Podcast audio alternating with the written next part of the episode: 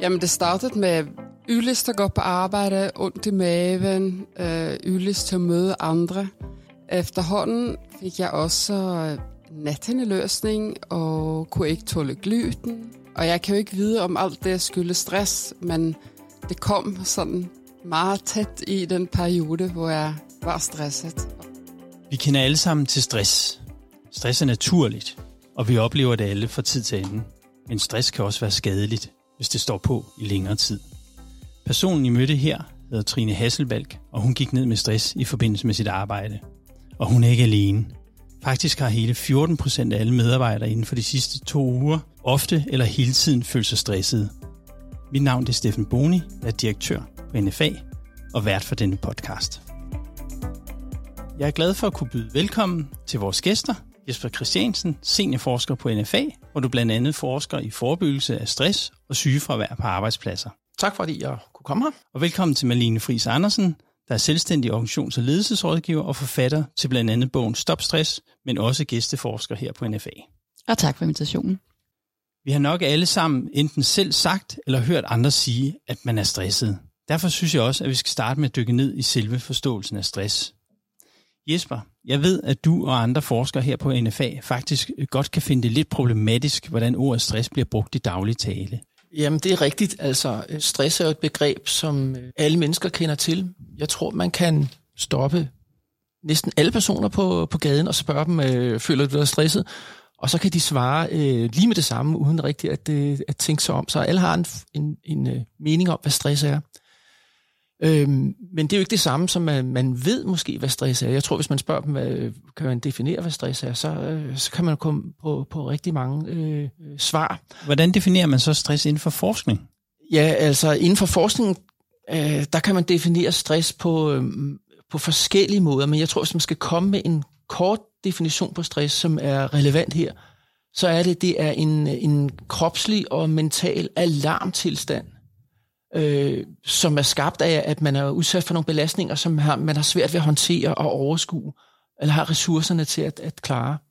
Og det klassiske eksempel på det, det er den her fight-or-flight response, som jeg tror alle kender til, hvis man er udsat for en eller anden alvorlig trussel, hvordan man kan gå fuldstændig i panik. Øh, det er jo sådan en klassisk eksempel på, på en stress situation og en stressreaktion. Ja. Malene, vil du så sige lidt om, hvad stress ikke er? Ja, altså det er jo altså virkelig øh, nogle gode spørgsmål, og også øh, svære spørgsmål, fordi jeg kan jo, øh, jeg kan jo godt sidde og have en, en holdning og en mening om øh, at pege på noget forskning, der viser, hvad stress ikke er, men det er jo, som Jesper også siger, et virkelig, virkelig fragmenteret øh, og forskelligartet billede, vi har med at gøre. Spørger du mig, hvad jeg siger, når jeg er ude og undervise virksomheder, jamen øh, så, øh, så tager jeg blandt andet afsæt i sådan en stress-trivselstrappe, jeg har skrevet på bøger om sammen med en kollega, hvor vi blandt andet i hvert fald prøver på at, at præcisere fem forskellige faser, som medarbejdere og ledere kan gå igennem fra at være fuld trivsel, til at der kan begynde at være et, øh, et arbejdspres, til man kan begynde at udvikle symptomer, og det til sidst kan blive så alvorligt, at man bliver sygemeldt af stress. Fordi for os er det i hvert fald øh, rigtig vigtigt, at vi er opmærksom på, at, at vi, kan jo, øh, vi kan jo sagtens som mennesker tåle at have perioder, hvor der er en høj arbejdsintensitet, hvor der er en deadline, vi skal nå, hvor det er, at, øh, at vi kan mærke, okay, nu, nu er der tryk på. Og det, øh, og det er jo ikke stress at have det sådan i en, i en kortere periode. Det kan vi jo godt manøvrere i, i en, i en to-tre uger, og vi får leveret, og vi kommer tilbage i det, vi kalder en tempereret fase igen. Alt er fint.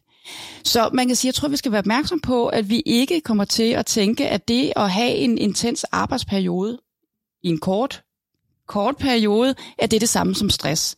Det kan vi godt være i, uden at blive sygemeldt med stress. Så, så hvad er stress ikke? Jamen stress er jo i hvert fald ikke at, at have en, en, en arbejdshverdag, hvor der er travlt, men hvor vi føler, stadigvæk føler, at vi kan nå det, vi egentlig skal det kan vi faktisk godt trives rigtig fint med. Øh, men, men det du nævner her og slår ned på, det er meget arbejdspres. Men er der også andre faktorer i arbejdsmiljøet, som kan medvirke til, at man udvikler stress? Ja, og det, øh, og det er virkelig vigtigt, at, at vi også har blik for det. Så tak for at stille det spørgsmål, fordi arbejdsmængde det er jo en af de faktorer, vi ved, der øger risikoen for, for stress øh, og, og depressive symptomer som sådan. Men der er jo også netop en, en lang række andre faktorer. Det kan for eksempel også være høje følelsesmæssige krav i arbejdet. Det er også noget af det, vi ved, der øger risikoen. Altså dem, der har meget borgernær øh, kontakt, patientkontakt, arbejder med andre mennesker.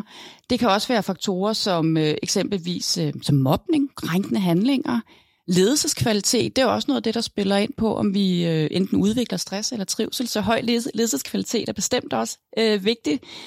Uretfærdighed, uforudsigelighed, mangel på indflydelse. Så i den henseende, så er der et, en, en række af faktorer, som vi ved øger risikoen for stress. Det er jo den dårlige nyhed, kan man sige, men den gode nyhed er jo så, at der faktisk er rigtig mange faktorer, vi kan arbejde med for at forebygge, at vi havner der. Så der er både mange årsager, men også mange løsninger. Så man kan sige, at mange af de ting, som kan være med til at udvikle stress, de er vendt på hovedet faktisk. Også nogle positive faktorer, der kan være med til at forebygge stress. Ja, det er nemlig rigtig vigtigt, at det er en af de sådan, centrale figurer eller modeller inden for stressforskning. Det er det, vi kalder den der krav-ressourcemodel. Og grundpointen i den, det er jo egentlig, at der skal være nogenlunde balance mellem de krav, vi oplever vores arbejde, og de ressourcer, vi har at gøre godt med.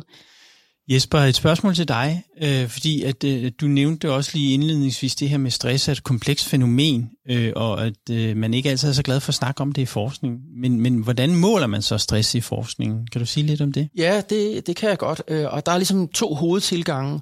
Altså, som vi nu har forstået her, så er der øh, stressreaktioner, som man kan måle, og vi hørte også øh, Trine fortælle, om hun havde nogle stærke kropslige reaktioner, og det er jo nogle, øh, en måde, som stress kan komme til udtryk på, som man kan måle. Øh, for eksempel, man kan måle øh, det, man kalder stresshormoner. Jeg bryder mig ikke om, om den betegnelse for det, fordi det er nogle naturlige hormoner, som fluktuerer i kroppen, men de udløses i særlig grad, når man er udsat for stress, og det kan man bruge til at måle, øh, og det er for eksempel øh, kortisol.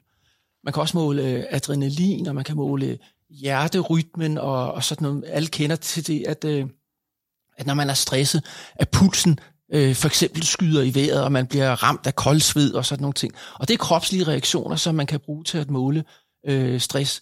Problemet ved det øh, er selvfølgelig, at man ved ikke, hvad, hvad, hvor kommer stressen fra? Hvad er det for en situation, der udløser det? Det er jo bare nogle, nogle reaktioner, der kommer her, og skyldes det måske stress? Fordi nogle af de her ting kan også skyldes andre reaktioner end stress. Altså hvis man for eksempel motionerer, eller øh, er fysisk aktiv, eller øh, laver et eller andet, så kan de her hormoner jo også skyde i vejret. Så der, det bliver sådan øh, svært lige at, at vide, er det faktisk stress, man måler? Men det er en tilgang. Den anden tilgang, det er at bruge det, som, øh, som øh, Malene snakkede om, det er at kigge på, hvad er det i arbejdsmiljøet, hvis det er arbejdsrelateret stress, man er interesseret. Hvad er det i arbejdsmiljøet, som øh, forårsager stress? Det er det, man kalder stressorerne. Så man kan altså måle de her stressorer. Man kan måle de her jobkrav, man kan måle, øh, om man er udsat for mobning, eller hvordan ens øh, ledelseskvalitet er, osv. Øhm, og, og, og, og, og det er også en rigtig god tilgang, og det synes vi øh, selvfølgelig som forsker på et arbejdsmiljøforskningsinstitut er rigtig, rigtig vigtigt, at arbejdsmiljøet er sådan, at det ikke forårsager stress. Men problemet med den tilgang er selvfølgelig, at vi reagerer jo forskelligt på de her stressorer. Altså høje arbejdskrav for en person øh, kan føre til stress, men de samme arbejdskrav er ikke nødvendigvis stressende for en anden person. Øh, der kommer altså en eller anden individuel øh, følsomhed eller øh, reaktionsevne ind øh, på det. Man kalder det coping-strategi, og man, og man kan man håndtere de her krav, kan man håndtere de her udfordringer. Så, det, øh, så der er forskellige tilgange. Ingen af dem er sådan helt perfekte. Der er ulemper ved dem, ved dem alle sammen, og der er også nogle fordele øh, ved, ved dem. Så de er sådan lidt forskellige. Ikke? Sådan som jeg lytter mig til det her, så er der altså i hvert fald tre måder, hvor man, man kigger på stress. Det ene, det er kan man sige, i form af nogle, nogle fysiologiske målinger af kortisol og blodtryk osv. osv.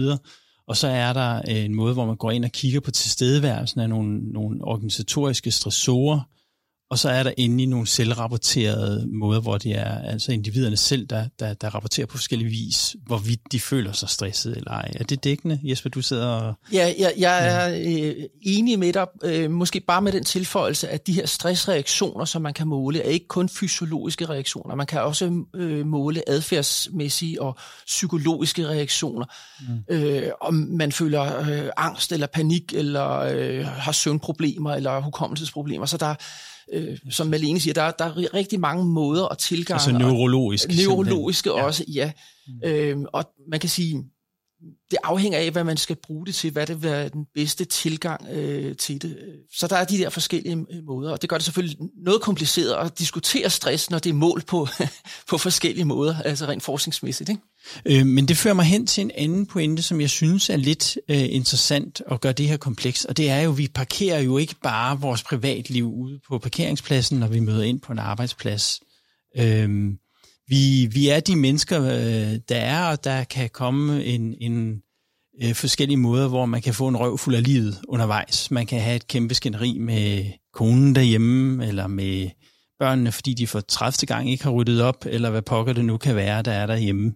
Øhm, der kan også være nogle selvfølgelig endnu mere dystre ting end det. Øh, men i bund og grund, så er det, øh, at, at vi har et samlet ledet liv, som, hvor vi både går på arbejde, og vi går øh, vi også har et privatliv. Øh, så hvordan er det, man måler, at det rent faktisk er arbejdsrelateret stress, og ikke stress, hvor, øh, hvor, hvor det skyldes nogle årsager, der, der ligger i privatlivet? Jesper, kan du sige lidt om det? Ja, det synes jeg er et super vigtigt øh, spørgsmål, og øh, når man snakker med, med arbejdspladser og ledere og medarbejdere, så er det jo et spørgsmål, som optager øh, mange, og der er forskellige perspektiver af. I, i den undersøgelse, øh, som, øh, som vi har lavet, øh, der hedder Arbejdsmiljø og Helbred, og senere øh, Noah L hedder den øh, nu, er der spurgt til, hvor ofte føler du dig stresset øh, inden for de sidste 14 dage. Øh, og der er kommet et tillægsspørgsmål, eller der har været et tillægsspørgsmål øh, om, øh, hvad er den vigtigste kilde til din stress? Og der kunne man vælge mellem øh, arbejdslivet, øh, eller privatlivet, eller begge dele. Så der får man lidt indblik i, hvor meget er det egentlig, som øh, skyldes arbejdet, og hvor meget er det, som skyldes privatlivet. Og i den undersøgelse, og det er altså, husk man, det, det er blandt lønmodtagere, så det er selvfølgelig en selekteret gruppe, men der er det øh, 9 ud af 10 svarer, at øh, det er arbejdslivet, som er den vigtigste stresser, mm. eller en kombination af arbejdslivet og privatlivet. Men arbejdslivet spiller i hvert fald i den undersøgelse en vigtig rolle for den her oplevelse af at være stresset.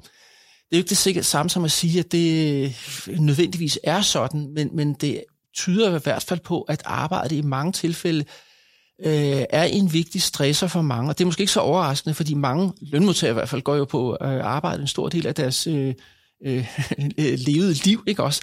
Øh, og, og der møder man jo, som du siger, øh, udfordringer øh, og, og, og ting, som, som, øh, som kan stresse en, og det er der, man vil, vil opleve stress. Men men det er jo rigtigt, man har jo også et, et, et, et, øh, et, et, et, et levet liv ved siden af, hvor man, man, man også kan møde ting. Og jeg tror, at begge ting spiller en rolle. Men spørgsmålet er, hvor, hvad der er vigtigt for en arbejdsplads. Fordi selvfølgelig skal man i, som arbejdsplads tage hånd om det, som er arbejdsrelaterede årsager til stressen. Og det er det, der kan være udfordringen af at finde ud af, hvornår er det egentlig det. Ja. Malene, du øh, ser ivrig efter at sige noget her, så jeg giver ordet til dig. Jamen det er måske for, altså, og det er ikke fordi, at det her skal, vi hele tiden skal udvide kompleksiteten i det her emne, men der er måske en relevant, øh, alligevel et rele- relevant øh, syn for praksis, der er vigtigt at bringe ind her, fordi nu nævnte Jesper de her tal omkring, øh, at der alligevel var en ret stor andel, som jo faktisk peger øh, på, at, at arbejdslivet har spillet en, en rolle. Jeg er ude og undervise rigtig, rigtig mange ledere i det her emne, har gjort det øh, i en små 20 år efterhånden. Øh, både ledere i det private, ledere i det fra det offentlige. Og nogle gange så, øh, så præsenterer jeg jo de her tal for dem og siger, det er sådan her, tallene ser ud, når vi spørger medarbejderne selv. Øh, så er det sådan her, peger en stor del af dem faktisk på arbejdslivet. Øh, og der, jeg har aldrig været et sted, hvor at, øh, at lederne ikke siger, sådan ser det ikke ud hos mig. Altså sådan, det, det billede kan jeg ikke genkende blandt mine medarbejdere. Hos mine medarbejdere, så er det langt overvejende private årsager. Det, det, det er det altså. Det er altså, det er, det selvfølgelig kan arbejdslivet øh, være en del af det, men det er altså langt overvejende private årsager, jeg ser hos mine medarbejdere. Og det, der så er relevant at være opmærksom på her, det er jo ikke noget, lederne sidder og finder på. Jeg tror, vi skal være opmærksom på, at tit så kan det faktisk også være nemmere for medarbejderne at fortælle lederne om de faktorer, der kan opstå i privatlivet. Og det er jo ikke fordi, at man som, som medarbejder ikke øh, vil dele, øh, kan man sige, det mere øh, arbejdsrelateret med lederne, men det er, kan faktisk være sårbart for en stressramt medarbejder at sige til sin leder, prøv at høre en gang her, i bund og grund, så skammer jeg mig over det her. Jeg har det faktisk rigtig svært med at opleve det her. Jeg føler faktisk, at jeg har fejlet. Øh, jeg er faktisk i tvivl om, om jeg overhovedet kan klare mit arbejde. Og i øvrigt, så mener jeg også, at det er arbejdspladsens skyld, og måske også lidt din skyld, leder.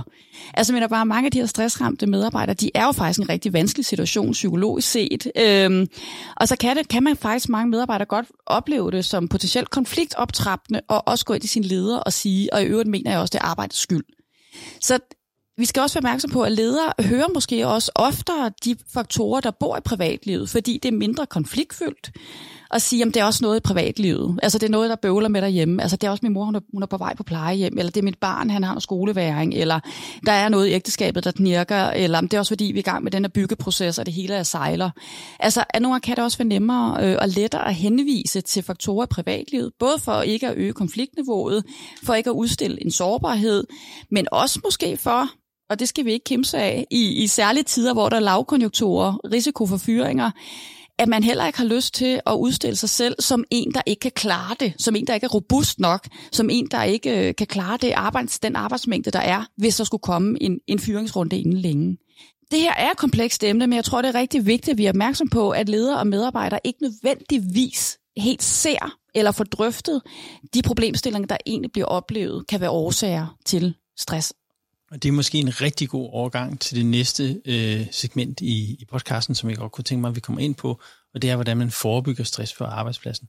Men inden vi kommer dertil, så er der en enkelt ting, jeg måske godt kunne tænke mig lige at spørge til, fordi øh, altså lidt provokerende sagt, sat på spidsen, kan man sige, er stress så så slemt? Altså har det nogle, nogle bevisligt langsigtede helbredsmæssige konsekvenser for mennesker? Øh, er der forskning på det? Kan I sige noget om det? Ja, der er rigtig meget øh, forskning. Øh, altså stress er et, øh, et begreb, som der forskes i øh, mange steder. Øh, man kan sige, man hører tit nogle tal i Danmark, at øh, der er 35.000 øh, sygemeldte med øh, danskere med, øh, med, med stress øh, lige her nu. Jeg ved ikke, hvor det tal egentlig kommer fra, fordi man, det, det er svært nogle gange her i Danmark. at man kan ikke sådan koble øh, sygefravær med en sygefraværs årsag, fordi der er sådan skotter mellem, øh, mellem de her informationer. Men når jeg taler med arbejdsmedicinske klinikker for eksempel, det er nogle af dem, som ser de her personer, som har øh, øh, som kommer med, med nogle sygdomme og nogle problemer på grund af, og helbredsproblemer på grund af, øh, af belastninger, så er det, er det rigtig mange, en stor andel af dem, som, som har de her øh, udfordringer. Så jeg tror, at det faktisk er et stort problem, og det er også det, man hører øh, mange steder. Og der er også forskellige andre målinger og registre, altså hvor mange diagnoser bliver der giver, givet omkring det, der hedder belastningslidelser, som tyder på, at øh, belastninger, som fører til stress, faktisk er et, et, et, øh, et stort problem øh, mange steder. Ja. Malene? Ja, jeg tror, jeg tænker, altså igen, jeg synes, det, det er rigtig vigtigt igen, det, vi, vi skal jo ikke blive sådan over bekymret, hvis vi har en, igen de her travle uger. Altså det er selvfølgelig vigtigt, at vi ikke tænker, åh oh, nej, nu har jeg travlt på arbejde næste to uger, åh oh, nej, åh oh, nej, nu kan jeg mærke, at øh, jeg alligevel bliver sådan lidt nervøs, og åh oh, nej, åh oh, nej, nu er jeg måske lige på randen af en sygemelding. Altså det er rigtig vigtigt, at vi også selvfølgelig får normaliseret, der kan være perioder, hvor at der er tryk på. Det er så fint, så længe der også er lange perioder, hvor der ikke er den der høj intensitet.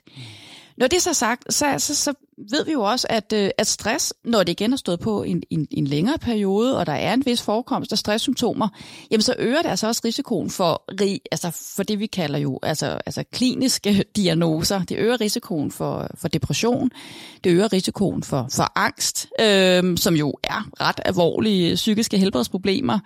Og derudover så også, som jeg nævnte før, Jakob Pedersen fra NFA, jamen han har jo også øh, sammen, jeg var en af de heldige medforfattere, lavet den her undersøgelse, hvor vi jo også ser, at bare det at svare ja til det her spørgsmål, har du følt dig stresset inden for de seneste to uger, jamen det følger vi folk over en fire, fireårig periode derefter, så kan vi jo se, at der er altså flere, der kommer, flere, der får sygefravær, flere, der mister tilknytning til, til arbejdsmarkedet, altså flere, der kommer på kontanthjælp. Altså mener, det her, det har reelle konsekvenser på den lange bane. Så vi skal tage det alvorligt, men vi skal ikke blive bange for den, for den kortere periode med en vis arbejdsintensitet. Så langsigtet stress kan føre til mentale helbredsproblemer, til nogle fysiske helbredsproblemer, sådan set også til en arbejdsmarked, eller mistet arbejdsmarked. Og så er det jo også dyrt for virksomhederne. Øh, jeg var med til sammen med Wilhelm Borg og kollegaer at lave den her hvidbog øh, om mental sundhed, sygefravær og tilbagevendt til arbejdet hvor vi også jo altså ret interessant fandt, at, øh, at det der var det dyreste for virksomhederne, når vi snakker det her, man kalder øh, lidt forkert kalder lettere mentale helbredsproblemer. Det gør man, minor mental health problems, eller common mental health problems, stress, depression, angst, belastningsreaktioner. At da vi lavede den her øh, rapport, så fandt vi, at det, der var det dyreste for virksomhederne, det var ikke sygefraværet som sådan. Det er rigtig dyrt. Det er der ingen tvivl om. Og det er rigtig tit det, vi taler om, fordi det, vi kan måle og veje og følge statistikkerne. Men det er ikke det, der var det dyreste. Det dyreste var faktisk det, vi kalder præsenteisme eller syge nærvær. Det vil sige, alle de medarbejdere og ledere, der går på arbejde hver dag, som ikke fremtræder af nogen sygefraværstatistik, som tjekker ind, tjekker ud, men de har en signifikant reduktion i produktiviteten med op til 25 procent. Simpelthen ved gåsøjne bare at have de her symptomer på mentale helbredsproblemer. Jo mere videnstungt, videnstungt deres arbejde er, jo mere relation, relationstungt deres arbejde er, jo større har konsekvenserne for produktiviteten. Og det giver jo mening, fordi vi bruger vores mentale kapacitet, vi bruger vores personlige kvaliteter, vi bruger vores koncentration, hukommelse, empati, situationsfornemmelse. Alle de her ting, det er jo det, der er vores produktionsapparat i vidensarbejde, relationsarbejdet. Og når stress sætter ind, så bliver arbejdsevnen altså udfordret. Som man kan, hvis man sådan skulle lave en bilmetafor, som nogen måske vil synes er uheldig, men så, så vil det svare til, at man ikke kan få bilen op og, og yde sin max øh, i en periode på grund af de her langvarige belastningsfaktorer, som man har været udsat for. Ja, altså det, det, den metafor kan man, man sige det i hvert fald, man kører i hvert fald væsentligt kortere på, på literen. Mm, ja, tak for den præcisering, Lad os gå videre til det næste segment, det her med, hvordan man forebygger stress på arbejdspladsen. Fordi der har igennem de seneste, været, øh, seneste år 10 været et stigende fokus på at forebygge og reducere stress på arbejdet. Men det tyder på, at vi i Danmark fortsat har meget at lære. Øhm, der er netop tal fra Sundhedsstyrelsen, der viser, at andelen af voksne danskere med en høj score på stressskalaen, altså i den nationale folkesundhedsundersøgelse, der er den steget fra 21 procent i 2013 til 29 procent i 2021. Øh, nu bevæger vi os altså så videre til, hvordan en organisation, en arbejdsplads, øh, ledere og medarbejdere, de kan blive bedre til at forebygge stress. Nogle spørgsmål til dig, Jesper. Hvordan i gang sætter man så en systematisk indsats på en arbejdsplads for at modvirke stress?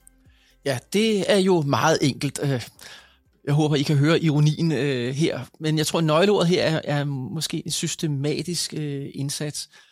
Øh, hvordan skal man gribe det an? Altså, vi har jo hørt her, at øh, stress kan skyldes rigtig, rigtig mange ting på arbejdspladsen. Så det, der er vigtigt, Øh, hvis man skal gå systematisk til, til værks, det er jo at øh, starte med en kortlægning hvad er det for et arbejdsmiljø, man egentlig har på den her arbejdsplads. Øh, hvad er det for noget øh, arbejdsmiljøfaktorer, som er vigtige her? Og det kan jo være helt forskelligt fra en transportvirksomhed øh, øh, til en kemivirksomhed til en øh, konsulentvirksomhed. Øh, hvad det er for nogle øh, stressorer, hvad det er for nogle arbejdsbelastninger, der er. Øh, men det må man gå ind og vurdere. Øhm, og det kan man jo gøre på forskellige måder. Der findes jo forskellige metoder til det. Øh, her på NFA har vi jo øh, udviklet et, øh, et spørgeskema-redskab, som kan hjælpe til det. Det hedder DPQ, og som man kan finde på vores øh, hjemmeside under hjælperedskaber forskellige steder. Man kan søge efter eller google det, kan man finde det. Og det er gratis, og, og enhver kan bruge det. Men det er jo et, et redskab, man for eksempel kan bruge til at måle, hvordan er arbejdsmiljøet. Og når man så har fundet ud af det, og man kan jo selvfølgelig også øh, snakke om det, hvad, hvad er det egentlig, der stresser folk i, i, i arbejdet? Hvad er det, der er problemerne her? Øh, så skal man jo gøre noget ved det. Øh, og der findes jo også metoder til at, det, øh, til at gøre det, men, men, men man skal jo så forsøge at forbedre øh, arbejdsmiljøet øh, og, og, og rette op på de, de problemer, der er. Det er sådan hovedtrækkende i det, man, man skal gøre. Ikke? Så det vil sige, at man skal altså gå ind og lave en kortlægning og en diagnose af, hvad er det for nogle karakteristika, der er ved, ved problemstillingen her hos os. Man skal planlægge en, en, en række af forskellige indsatser, ja. øh, og måske så, så, så hører jeg, øh, jeg, eller lægger et ord i munden, men jeg hører egentlig også, at det skal være øh, altså på forskellige niveauer, øh, altså på medarbejderniveau, på teamniveau, på ledelsesniveau, organisatorisk, Øh, Øh, og så skal man øh, selvfølgelig gennemføre dem, og man skal følge op på dem og evaluere på, hvorvidt de virker eller ej. Ja, lige præcis. Og se om det her, det man har sat i gang, det virker, og øh, øh, om der har været nogle forhindringer, om, om der er dukket nogle andre ting op øh, i arbejdsmiljøet, som, som der skal gøres noget ved. Også være opmærksom på, om, om er der stressproblemer? Øh, øh, er der højt sygefravær i nogle steder? Øh, er der medarbejdere, der hænger med, med næbet, øh, og som, som som måske er, er, på vej med, med stressbelastninger, som man ligesom skal tage hånd om. Ja. Malene? Ja, men synes, det er nogle virkelig væsentlige ting, du, øh, du nævner, Jesper. Øh, så det er mere en, en supplering af, af dem. Der er to ting, jeg gerne øh, måske vil, vil fremhæve her. Det ene er jo også den her med, der er rigtig mange steder, hvor man også siger, at I skal jo sige det, når, hvis det er, I kan mærke, I er stresset, så må I jo komme til os. Og det er jo også et rigtig fint budskab at have, men det er jo rigtig vigtigt, at man også arbejder med kulturen. Hvad kan vi sige her? Øh, hvad sker der, hvis jeg rækker ud og, og siger, nu føler jeg mig skulle lidt presset, eller jeg føler mig faktisk lidt, lidt, øh, lidt belastet? Altså det her med, at man også virkelig arbejder med en kultur, hvor man kan rejse flaget i tide. Jeg plejer tit at bruge den her metafor, når, når jeg arbejder med arbejdspladser, at det er vigtigt at have en kultur, hvor man både kan rejse, altså det der lille, altså det lille flag, altså lavkageflaget, altså det der lille flag, hvor man egentlig bare rejser og siger, puh, den her opgave, den, den bøvler sgu lidt, eller jeg, sgu, øh, jeg synes, den her samarbejdsrelation, jeg synes, den er lidt vanskelig, eller jeg kan sgu ikke helt få åbnet den her arbejdsopgave, må jeg lige låne dine tanker? Altså det der lille flag, jeg skulle lige brug for at række ud. Og så er der lufthavnsflaget. Nu, nu er vi et sted, hvor nu, jeg har faktisk brug for, at vi lige prioriterer mine arbejdsopgaver. Jeg har brug for, at jeg lige får fat i, hvad, hvad var det, det var det vigtigste, jeg skal nå, hvis jeg ikke kan nå alt. Altså lufthavnsflaget. Nu, nu bliver vi nødt til at sætte os ned, kære leder, og have den her drøftelse eller kollega. Og så er der så det store flag ud på gårdspladsen, som er det her med, åh, jeg kan ikke mere, ikke? jeg bliver nødt til at sygemelde mig. Men det vigtige er jo, at vi har en kultur, hvor vi har nogle forskellige flagstørrelser, forskellige flag, vi kan rejse for hinanden i tide. Og, øh, og rigtig meget af det her, og det bærer mig måske videre til den, til den næste pointe, mange af de her mindre flag, det handler jo faktisk om forhold og faktorer, der udfordrer, at man kan løse arbejdsopgaverne til den kvalitet, der er brug for. Så meget af det her handler jo også om at organisere arbejdet, øh, arbejdsprocesser, samarbejdsrelationer på måder, hvor jeg faktisk går på arbejde og tænker, yes, nu har jeg sgu mulighed for at levere. Jeg har mulighed for at bruge min tid på det, der er relevant, på det, der er meningsfuldt. Når jeg går hjem fra arbejde i dag, så har jeg faktisk gjort en forskel. Jeg har flyttet noget. Så når vi skal arbejde med at forebygge stress og skabe den her trivsel, som virkelig er en fælles interesse, jamen så skal vi altså også helt ind i maskinrummet. Så skal vi faktisk ind og kigge på, hvilke nogle muligheder har medarbejderne for at løse arbejdsopgaverne. Og det fører mig hen til det oplagt næste spørgsmål her, fordi som en, øh, en medarbejder sagde til mig, da jeg var en helt ung ny leder for efterhånden mange år siden, hun sagde til mig, Steffen, du skal huske på, at solen den skinner altså op fra og ned. Øh, og det hun selvfølgelig mente med det, det var at sige, at ledelsen har en helt særlig rolle i forhold til at få ting til at ske. Og hvad er det for en rolle, som, som ledelsen så også har her, Jesper, i forhold til, hvis man skal i gang sætte den her indsats? Er der en særlig rolle, eller hvor skal det komme fra?